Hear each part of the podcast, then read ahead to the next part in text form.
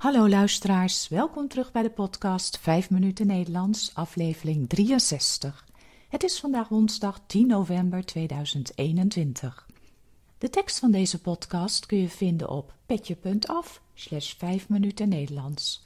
Als je de teksten van eerdere podcast wilt ontvangen of vragen hebt, stuur dan een e-mail naar 5minutennl.gmail.com.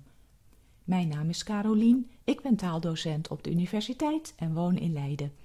In deze podcast vertel ik iets over mijn leven, over wat ik de afgelopen dagen heb beleefd of iets over de Nederlandse taal en cultuur. Aflevering 63. De Klimaatconferentie. Het zal jullie niet ontgaan zijn. Op dit moment vindt de Klimaatconferentie in Glasgow plaats. Het is de 26e conferentie van de Verenigde Naties over klimaatverandering. De conferentie was eerst gepland voor 2020, maar vanwege de pandemie is besloten de conferentie uit te stellen tot november van dit jaar. En nu is het alweer de tweede week dat alle belangrijke mensen bijeen zijn in Glasgow.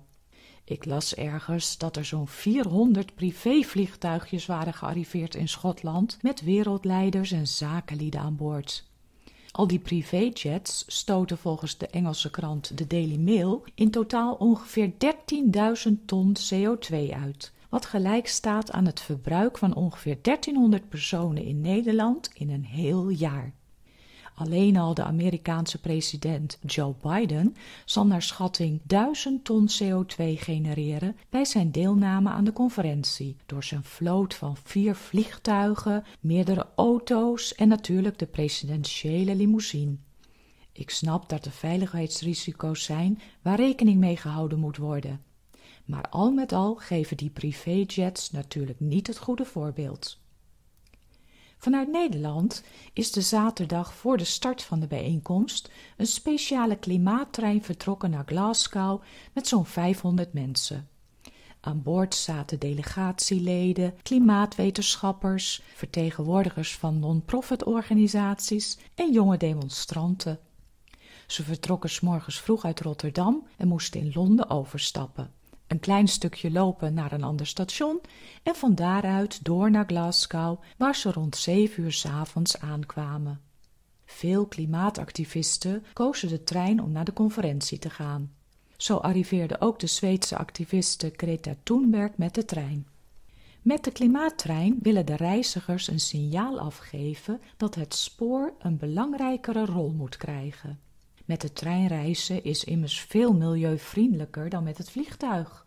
Om je een idee te geven, als je met de trein van Amsterdam naar Londen reist, stoot je meer dan 90% minder CO2 uit.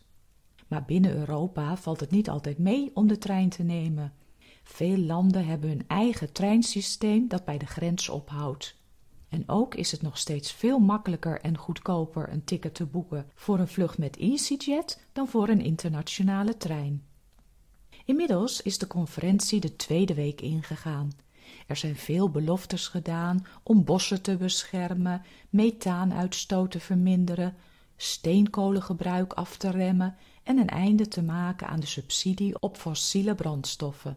Wat er uiteindelijk in het akkoord komt te staan, moeten we nog maar afwachten. De conferentie duurt nog tot vrijdag. We horen en lezen wel steeds in de media dat de deelnemende landen streven naar een opwarming van de aarde van maximaal anderhalve graad. Hopelijk gaat het lukken om tot een goed akkoord te komen, want we moeten zuinig zijn op de aarde en deze leefbaar houden voor toekomstige generaties.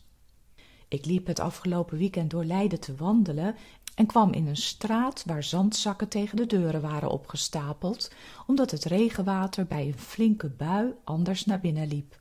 Ik schrok ervan toen ik het zag en heb maar een foto genomen. We hebben de afgelopen jaren gemerkt dat de regenbuien steeds heftiger worden. Tijd dus voor een goed klimaatakkoord. Dit was het weer voor vandaag. Veel dank voor het luisteren. Ik wens jullie een hele fijne week en tot de volgende keer. Dag!